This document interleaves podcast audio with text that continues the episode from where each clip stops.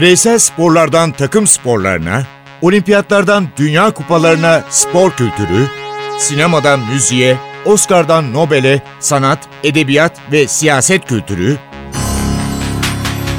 ve dünya tarihinin unutulmazlarıyla ilgili konuşulanlar, olayların perde arkası, yorumlar, sorular ve yanıtlar.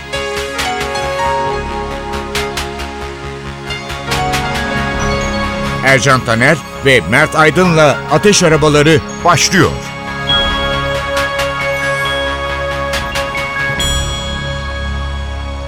Merhaba, Ateş Arabalarına hoş geldiniz. Hoş geldiniz. Yine güzel bir program olacağını umut ediyoruz. Bugün kulüpler, futbol kulüpleri ve hikayelerine bakalım dedik. Rakiplerimizin, Avrupa kupalarındaki rakiplerimizin çok ilginç hikayeleri var. Ben Partizan'la başlayayım diyorum. Tabii bu arada şunu ekleyeyim abi sen başlamadan.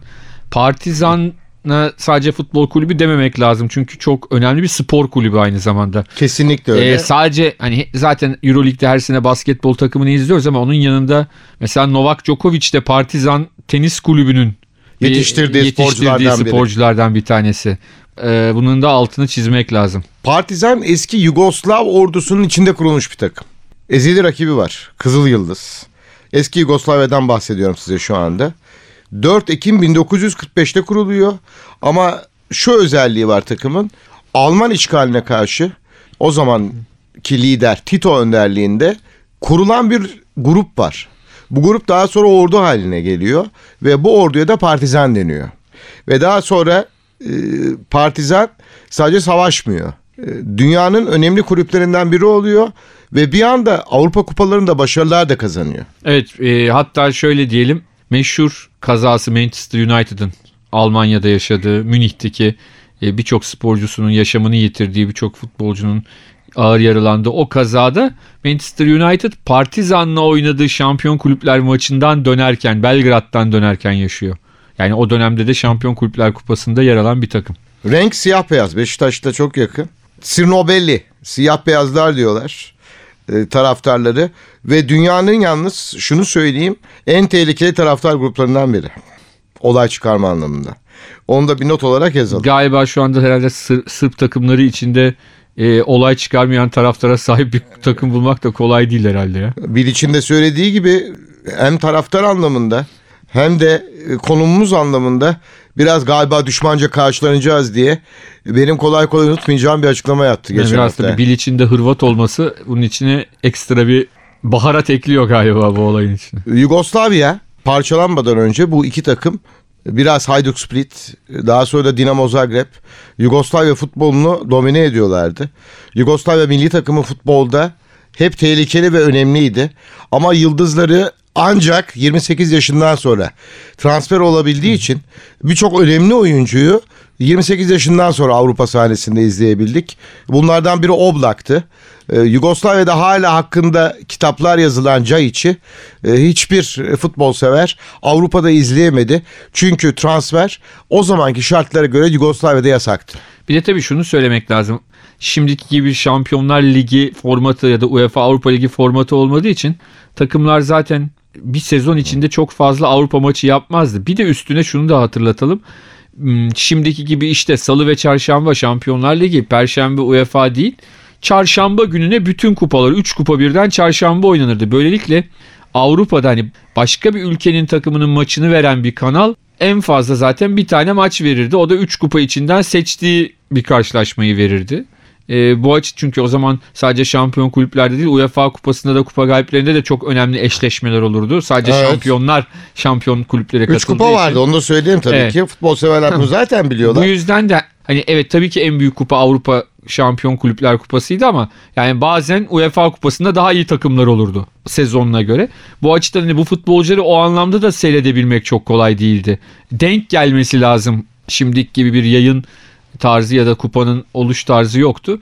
Bu yüzden de tabii bir de Türkiye'de e, özellikle 70'li ve 80'li yıllarda Yugoslav futbolcu akımı vardı.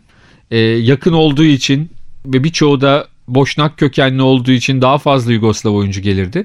Zaman zaman çok çok kaliteli hakikaten Yugoslavya'da çok başarılı olmuş oyuncuları da burada izledik. Ama onların arkasına gizlenmiş olarak zaman zaman sadece Yani çok ucuz olduğu için Türkiye'ye gelmiş Yugoslavlarda oldu. Birazcık onlar yüzünden hani Yugoslav futbolculara karşı bir antipati doğmuştu ama halbuki baktığımızda çok çok önemli Yugoslav futbolcuların Türkiye'de sahne aldığını söyleyelim. Zoran Simovic'ten Dušan Pesic'e işte Repčić, ondan. Rapajic, Rapajic sonra hani onlar En artık son dönem artık. onlar artık e, şey değil Nejat Bijedic aynı şekilde bunların Toprağı hepsi olsun. Allah olsun. rahmet eylesin. Allah rahmet eylesin. Ya bunlar hakikaten Yugoslavya liginde başarılı olmuş adamlardı. Ve çok önemli enteresan bir şey daha var. O zamanlarda şimdiki kadar milli maç yapılmazdı. Ve de Yugoslav hep şunu denirdi. Yugoslavya'da bir de hani etnik bölgelerde olduğu için Evet. çok fazla milli olma şansı kimsenin yoktur. En iyi oyuncular bile 8 kere, 10 kere, 15 kere milli olmuştur. Böyle gelirlerdi mesela 5 kere milli oldu. Ya 5 kere mi derdin? Ama derdi ki o çok önemli o Yugoslavya'da. Çok önemli tabii. 1966 yılında Şampiyonlar Ligi'nde final oynamış bir partizandan bahsediyoruz. Ezeli rakibi Kızıl Yıldız'la Avrupa şampiyonu olmuştur bir. Abi, biliyorsun. Yani ben de şunu söyleyeyim 66'da finalde kaybeden takımın teknik direktörü de yıllar boyunca Türkiye'de çalıştı. Adı Ab- Abdullah Gegiç Evet. ve Eskişehir Spor'un o mucizesini son haftalarda kaçırdığı kupaları ya şampiyonlukları daha doğrusu yaşatan teknik direktördür Abdullah Gegiç. Evet. Fenerbahçe teknik direktörü Hatta- de olmuştur sonra. Evet bir ara oğlu Beşiktaş altyapısındaydı 90'ların başında. Sonra ne oldu bilmiyorum ama oynuyordu.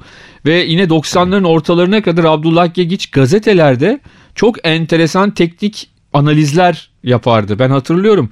Böyle şey ne derler grafiklerle falan Oyunu analiz ederdi. Evet oyunu analiz yani maçın yazısı değil de maçtan bir gün sonra seçtiği işte bir iki gün sonra seçtiği bir maçın ya da işte o, e, o haftanın teknik analizini yapardı. Çok enteresan, çok ilginç e, şeyler yazardı Abdullah Gegiç. Ya Yugoslavya denince tabii ki futbol değil diğer spor dalları da göz önüne geliyor. Ben de gidip görmüştüm o zaman. Benim rahmetli dayım da Zagreb'te yaşardı sülale. Ee, çok ilgimi çeken şu vardı. İlk defa 1975'ten bahsediyorum. Kapalı havuzlar. Her mahallede basketbol sahası, potalar. Yani Yugoslav basketbol ekolünün nasıl olduğunu o zaman görmüş oldum. Bir de tabii Ercan abi şu da var.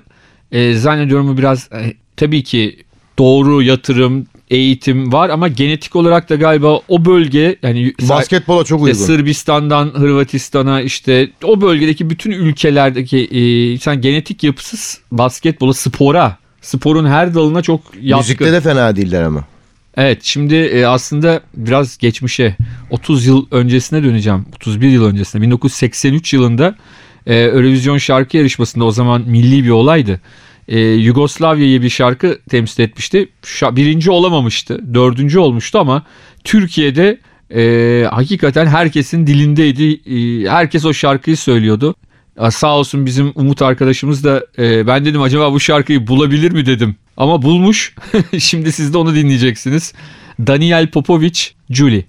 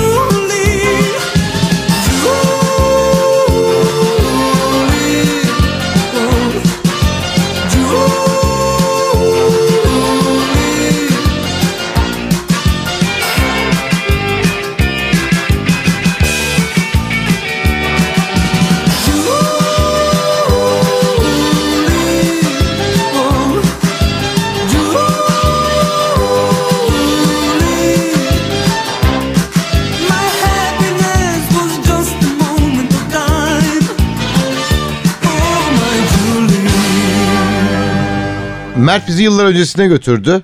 E, biz de yıllar öncesinden devam edelim. Eylül ayının ilk haftası e, barış haftası olarak değerlendirilir, kutlanır. Bunun sebebi 1 Eylül 1939'da Alman orduları Polonya'ya girer ve ertesi gün e, İkinci Dünya Savaşı başlar. 2 Eylül'de artık Almanya'ya savaş ilan edilir.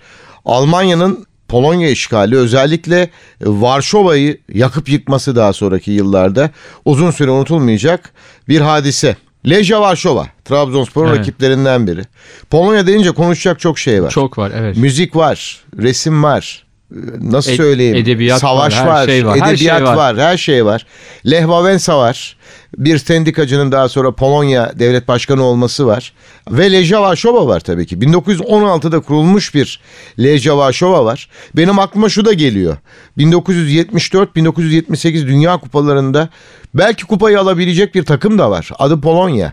Evet. Deyna, Tomaszewski, Gadoha, Şarmah gibi şimdi kimsenin hatırlamayacağı ama o yıllarda parmakla gösterilen oyuncular Lato. ve Lato ve biz e, 1974 Dünya Kupası'nda gol kralıdır Lato. Herkes Müller diyebilir.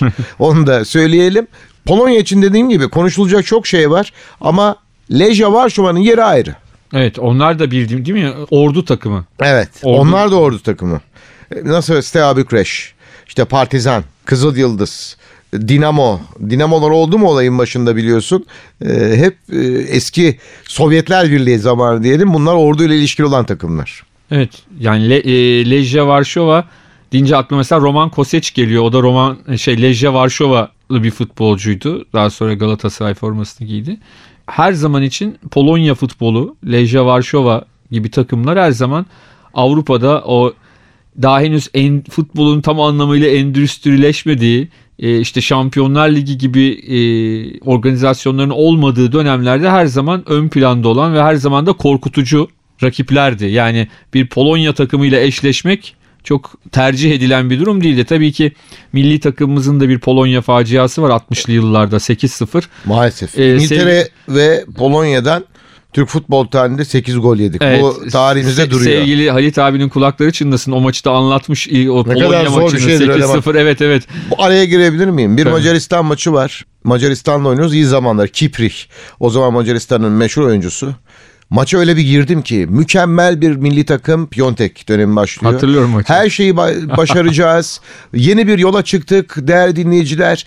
Dakika 12 Macaristan 3 Türkiye 0. Evet, hatırlıyorum. Ondan sonra taş Macaristan dedim. Evet. Öyle ma- e, şok mağlubiyetler Evet, biz de yaşadık. 4-1 yenilmiştik. Evet. Evet. evet. Tanju bir penaltı kaçırmıştı bir de gol atmıştı yanlış hatırlamıyorsam. Yani Polonya futbolu özellikle 90 öncesinde diyelim yani duvarın yıkılmasından önceki dönemde 70'ler ve 80'lerde çok kayda değer bir ülkeydi. 78 74'te belki yoktu ama 78'de Zbigniew Boniek ve Şumolarek bu takıma eklenen oyuncular oldular ve hakikaten 10 yıllık bir periyotta 82 Dünya Kupası'nda da üçüncülük maçını oynayıp kazandılar. 74 ve 82'de üçüncü oldular. Bunu belirtmek gerekiyor. O dönemin en önemli takımlarından bir tanesiydiler ki 78 ve 86 Dünya Kupalarında da yer aldılar zaten. Orada 4 Dünya Kupası üst üste. Tabii meşhur kalecileri Tomaszewski. uzun saçları ve saçlarına sardığı bir bant var. Tomaszewski'nin. Hiç alışık olmadığımız görüntüler. Ve Wembley'de İngiltere Polonya karşılaşıyor. Alan Clark diye bir oyuncu var. Sol kanatta oynuyor İngiltere'de. Alan Clark'ın penaltısını kurtarıyor. Ve Polonya Dünya Kupası'na katılıyor. Tomaszewski çok büyük bir kaleci. İngiltere katılamıyor. Katılamıyor evet. Ee, ve e, Polonya milli takımı o büyü- dünya üçüncüsü olacağı o turnuva öncesinde zaten sinyali veriyor diyelim o turnuvada. Ve şunu söyleyelim. Varşova ile ilgili o kadar çok hikaye var ki. Ama Adrian Brody'yi unuttuk. Onu Piyanist. unutmamamız lazım. Piyanist filmini seyretmeyen varsa yine ben tavsiye ederim. Dünyanın etkileyici filmlerinden Yani biridir. herhalde şunu söyleyebiliriz değil mi Ercan abi? İkinci Dünya Savaşı'nda en acı çeken, totalde en acı çeken ülkeye bir teselli ödülü verirse herhalde Polonya adayların en başında gelir. Yani 3 Ana adaydan biri alabilir. olur. 3 adaydan Üç biri olur. Teselli alır. Çünkü Polonya'ya giden varsa e, Varşova yeniden yapıldı. Mesela Krakow'a gidiyorsunuz. Evet. Wisla Krakow diye bir takım var.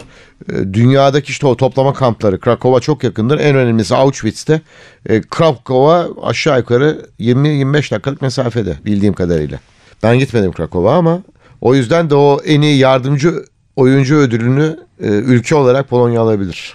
Onu Ki. Polonya'nın enteresan o 18. 17. 19. yüzyıllardaki durumu da işte bir yanda Ruslar, Almanlar, Avusturya, Macaristan, bir yanda Osmanlı arada sıkışmış ve hep böyle anlaşmalarla politikanın bir nasıl diyelim oyuncağı Kurbanı olmuş. olmuştur. Evet evet öyle Biz tarih kitaplarında o ülkeyi Leistan diyebiliriz. evet evet. Leistan'la yapılan savaşta Osmanlı'nın üstünlüğü devam etti diye tarih dersinde Evet. hocalar Ya bize işte bazen anlatırlar onu. onlar onu destekler, Osmanlılar Lehistan'ı destekler, öbüründe Avusturya Macaristan destekler, öbüründe Ruslar destekler ama hep böyle bir e, şeyleri vardır. Arada kalmış durumları vardır. Bir ülke daha var Macaristan aynı şekilde. Polonya ve Macaristan gerçekten özellikle de 2. Dünya Savaşı'nda arada kaldılar. Evet. İstersen abi Polonya'dan bu kadar konuştuktan sonra Polonya'yı bu sene Eurovision'da temsil eden şarkıyla devam edelim. Adını söylemeyeceğim şarkının çünkü adını telaffuz etme konusunda büyük sıkıntı yaşıyorum. Ama söyleyenler Donato, Donata ve Cleo. Onunla ilgili hiçbir e, Problem yok. problem yok ama şarkının adını e, siz dinlerken siz kendiniz çıkarmaya çalışın hakikaten çok zor.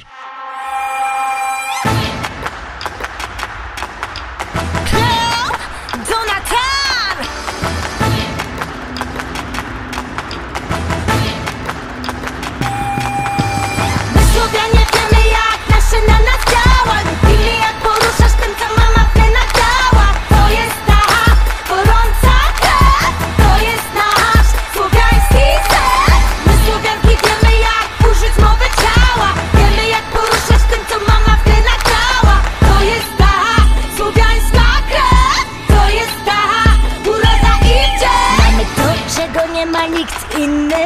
Cenimy ten naturalny kształt. Wódeczka lepsza niż whisky i dżiny Najlepsze u nas, cokolwiek byś chciał. Tu na swojskiej śmietanie chowane. Delikatne, rumiane jak chleb.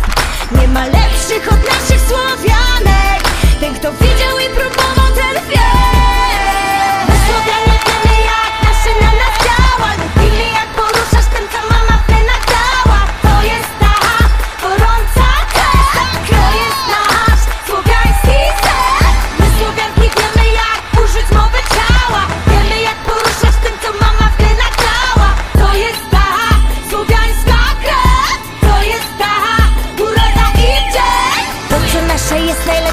bo nasze jest. To co nasze jest najlepsze jest, to nasze wiesz? To co nasze jest najlepsze jest, bo nasze jest. To co nasze jest najlepsze jest, to nasze wiesz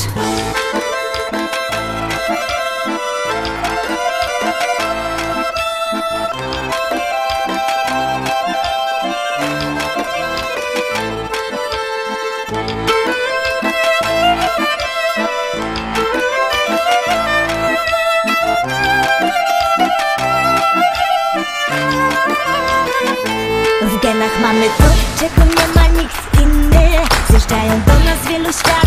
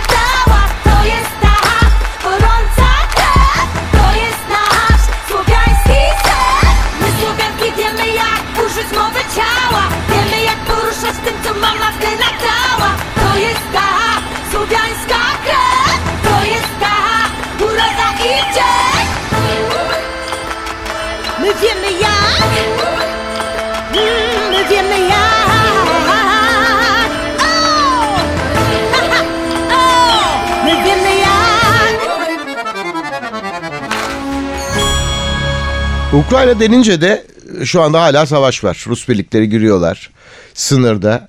Karkiv'den bahsediyorum. Ama Ukrayna ile ilgili senin bana anlattığın ve bizim dinleyicilerimizle paylaştığın e, çok güzel bir hikaye var. Dinamo Kiev'in başına gelen. Aa, evet. Alman işgali döneminde tabii Ukrayna'da o dönemki Sovyetler Birliği'nde futbol oynanamıyor. Dinamo Kiev o takımlardan bir tanesi oynayamayan. Onun birçok oyuncusu kendi aralarında bir takım kuruyorlar. Bunun içine başka takımlardan da oyuncular alıyorlar ama ağırlığı Dinamo Kiev ve e, lokal maçlar yapılmaya başlanıyor ve orada Alman birlikleri bu takımla maç yapmak istiyorlar. E, sonuçta bu takımla birden fazla maç yapılıyor ve genelde de Kiev'in, Dinamo Kiev'in ağırlığını oluşturduğu o takım galip geliyor. Daha sonra şöyle bir hikaye anlatılıyor. Deniyor ki ki bu hikaye ve bu maçlar daha sonra işte ünlü Macar filmi Cehennem'de iki devre ve ardından da e, ünlü Zafer'e kaçışın nasıl diyelim temelini oluşturan hikaye. Yani Zafer'e kaçışta işte Ardiles'in, Pele'nin, Evet. Sylvester Stallone'nin rol aldığı Michael Caine yanılmıyorsam. Hatır, Evet. Doğru değil mi Michael Bobby Moore, Caine? Michael Bobby Caine. Moore rol aldığı bir filmden Evet. bahsediyoruz. Yani onlara ilham kaynağı olan olay bu. Savaş bittiğinde deniyor ki hani ortalık toz duman dağıldığında e, Almanlar o maçları kazandıkları için bu futbolcuları aldılar götürdüler hepsini kurşuna dizdiler öldürdüler deniyor ve hatta hala da orada olan bir e, heykel yapılıyor bu futbolcularla ilgili. Uzun yıllar bu anlatılıyor anlatıldıkça işte filmler yapılıyor sonra yıllar yıllar sonra Andy Dugan isminde bir İngiliz gazeteci bu olayı araştırmaya başlıyor ve çok ilginç sonuçlar elde ediyor. E, şuna ulaşıyor. Evet Kiev o takımın birçok oyuncusu savaş sırasında ölüyor. Ancak o maçlardan dolayı değil. O maçlardan sonra bunlar doğal olarak bir direniş örgütünün içinde yer alıyorlar ve o direniş sırasında yakalanıyorlar. Yakalandıktan sonra toplama kamplarına götürüyorlar ve o sırada işte toplama kamplarında birçoğu hayatını kaybediyor başkalarıyla birlikte. Ama o takımdan ölmeyen, yaşayan, savaş sonunda yaşayan insanlar var. Evet. Ancak o futbolcular korkudan, Stalin'in korkusundan çünkü Stalin bunu bir mit olarak böyle bir çok e, esrarengiz ama işte böyle destansı bir hadise olarak e, ortalığa yayıyor. Korkudan çıkamıyorlar ortalığa. Aslında ölmemişler bir kısmı. E, ve bu yıllar yıllar sonra 90'lı yıllarda ancak e, ortaya çıkan bir şey ama hala genelde o Kievli oyuncuların işte o maçlardan sonra öldürüldüğü konu hala yani onu onun ger- Öyle bir e, hikaye var. onu Ya durdurmak Kharkiv'de çok kolay. Sınıra çok Değil. yakın Rusya sınırına. E, Metalist Kharkiv'de tabii ki hep bugün biraz tarih konuştuk ama konuşmamız gerekiyor. Zaten Barış Haftası, İkinci Dünya Savaşı'ndan bahsetmek zorundaydık. E, rakiplerimizin e, hem Beşiktaş'ın hem Trabzonspor'un Partizan, Lejya Varşova, Kharkiv oradan Dinamo Kiev'e dönmek zorundaydık. Çünkü hem acıyı hem de tarihi yaşamış ülkelere gidecek. Hem futbol severler hem takımlar. Aynen öyle. Biraz Aynen müzik yapalım. Çok tarih konuştuk. Sıktık belki. Bunu konuştuktan sonra şöyle bir şey diyelim. Yine Rusya'da devrimden sonra Sovyetler Birliği olduktan sonra biliyorsun St. Petersburg'un adı Leningrad Olarak değiştirildi. değiştirildi. Ama e, nasıl diyelim ve duvarlar yıkıldıktan sonra da yeniden St. Petersburg'a bir çevrildi. ara Petrograd adı da oldu. Evet, St. Petersburg'a çevrildi. E, St. Petersburg bizim Türkiye'de maalesef Deli Petro ama tüm dünyada Büyük Peter olarak Peter olarak tanıdığı Bir deha Çar olarak. tarafından kurulmuş Ya bir Rus donanmasını en baştan Ee, meydana getiren şahsiyet. Evet geçtiğimiz aylarda Fatih Tekke biliyorsun Zenit'te oynamıştı. Evet. Ee, 21 programında Ceyhun Yılmaz'ın kulakları içindesin. O programda dedi ki St. Petersburg'a yani anlaştık gittim şehre dedi gözlerim açık yani böyle fal taşı gibi açıldı dedi. Bu kadar güzel bir şehir çok zor bulunur dedi. Ondan sonra sen şimdi onunla ilgili bir şarkı var. Zenit'ten bahsediyoruz. Zenit, St. Petersburg, Petersburg, takımından. evet. O şehirle ilgili bir şarkı bu. Bunu bir Amerikalı söylüyor. Ee, New Jersey'li Billy Joel. Geçmişle ilgili çok enteresan bir şarkı. Leningrad.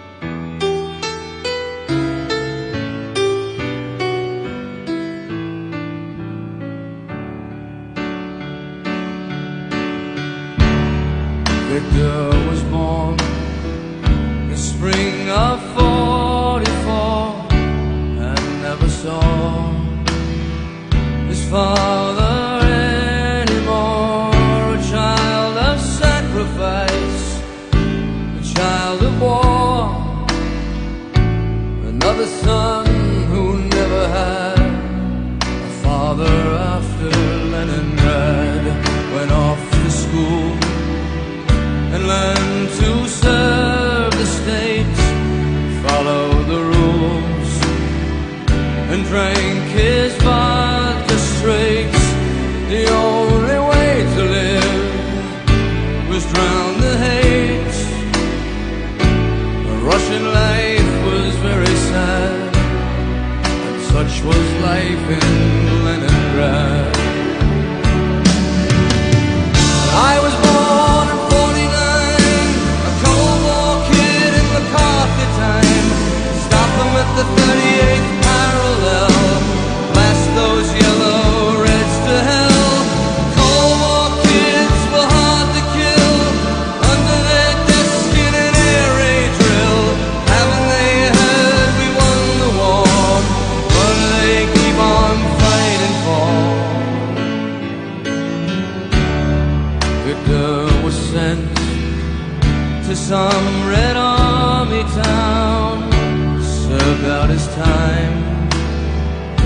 became a circus clown, the greatest happiness he'd ever found was making Russian children glad,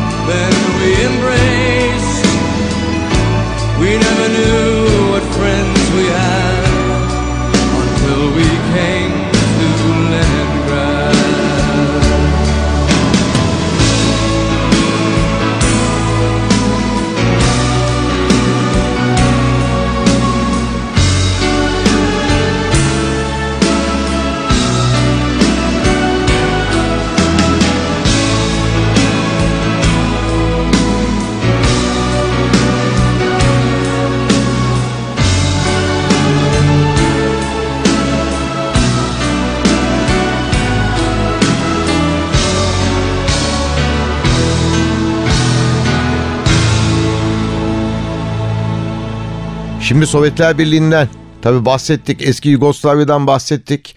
Bir şarkı var onu çalmadan olmaz Mert. Çünkü bu ülkeler artık yok. Ama o zaman müzik grupları da işte yazarlar da fotoğrafçılar da demir perdeyi mutlaka fotoğraflamak istiyorlardı.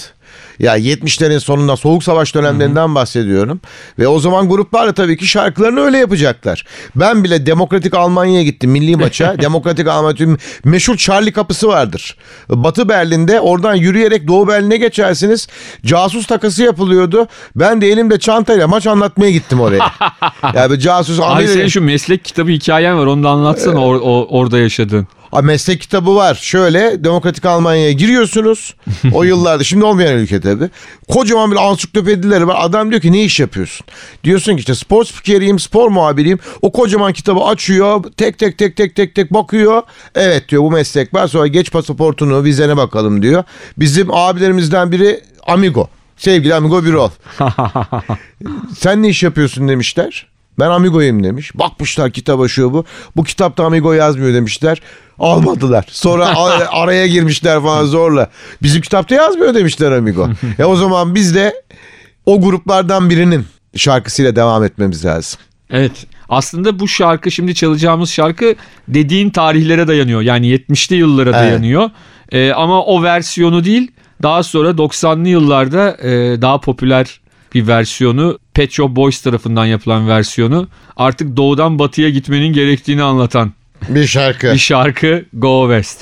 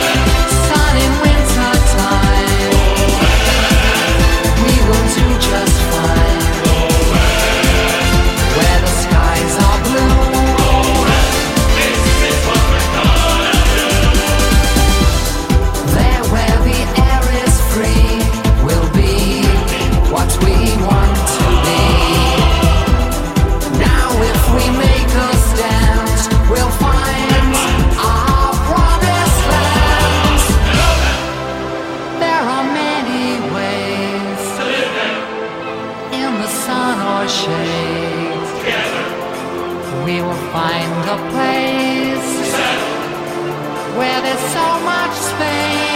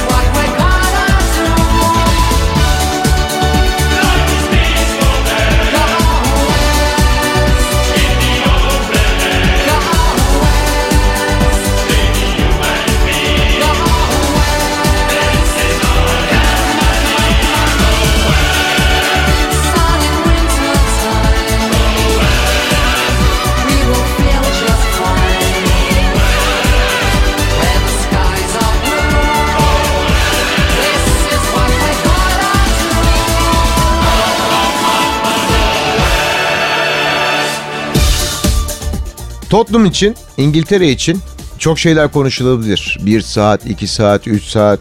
Ama İngiltere takımlarının özelliği var. Mesela Tottenham Mustafa Kemal Atatürk 1881'de dünyaya geliyor. Tottenham 1882'de kuruluyor. Futbol İngiltere'de o kadar eski ki. Eski e, takımlar, eski kulüpler, gelenekler, Doğru. e, futbolun her türlü geleneği bu ülkeden doğuyor. Şu anda tabii büyük bir endüstri ve Tottenham bir Londra takımı ama şöyle söylerler ya metro istasyonu yapıldı mı hala yapılmadı. Yapılmadı Tottenham'a giderken. Ya aslında şöyle bir şey var. Tottenham'ın gerçek semti yani Tottenham Court denen yerde tabii ki orası şehrin merkezi ve e, şey var e, ne derler metro ve her türlü ulaşım var ama maçların oynadığı White Hart Lane e, şehrin bayağı kuzeyinde. E, ben hatta ilk Londra'ya gittiğimde bir gitmek istedim ama giderken yolda yani şöyleydi belli bir yere kadar gidiyorsunuz ama bayağı böyle nasıl diyelim şehrin dışına çıkıyorsunuz neredeyse. Orada indikten sonra yine bayağı bir yürümeniz gerekiyordu. Ben bindim e, metroya. Gidiyoruz, gidiyoruz, gidiyoruz, gidiyoruz. Giderek e, gündüz saatleri. Giderek e, şey metro, tren tenhalaşmaya başladı. E, bir takım tehlikeli tipler görünmeye başladı. Ben dayanamadım en sonunda. O zaman Arsenal Highbury'de oynuyordu. Highbury'e yakın olan istasyonda inip Highbury'e gitmiştim. Şeye kadar gitmeye korktum. E, giderek çünkü insan sayısı azalıyordu trenin içinde. Ve tehlikeli tipler binmeye. Evet, Anlıyorsun değil mi tehlikeli? Tipler biraz sıkıntılı olmaya başlamıştı. Ben e, tırstım. Belki yanımda bir iki kişi olsa belki devam ederdim ama dedim ki boş ver bu sefer de görmeyi ver. Sen Highbury'yi gör onun yerine dedim. Doğru. Takımların görünmeyen yüzü, tarihleri e, bu haftaki programımızda yer ayırdığımız bölümlerdi. Yine birçok e, takımı tabii ki konuşacağız. Çünkü gerçekten e, futbol topunun da bir hikayesi var. Ve onun dışında takımların formalarının da bir hikayesi var. Bunların hepsini konuşacağız bu programda. Ama Santana'dan çok güzel bir şarkıyla Evet, veda etmenin zamanı Doğu, geldi. Doğu Avrupa'dan kurtulup kendimizi Evet. Güney Amerika'ya doğru Artık atalım. Güney Amerika'ya şöyle bir gidelim rahatlayalım. Rahatlayalım. Yaz da bitiyor ama güneşli günler için söylesin. Evet, Corazon Espinado. Santana. Ben Ercan Taner. Ben Mert Aydın. Hoşçakalınız. Hoşçakalın.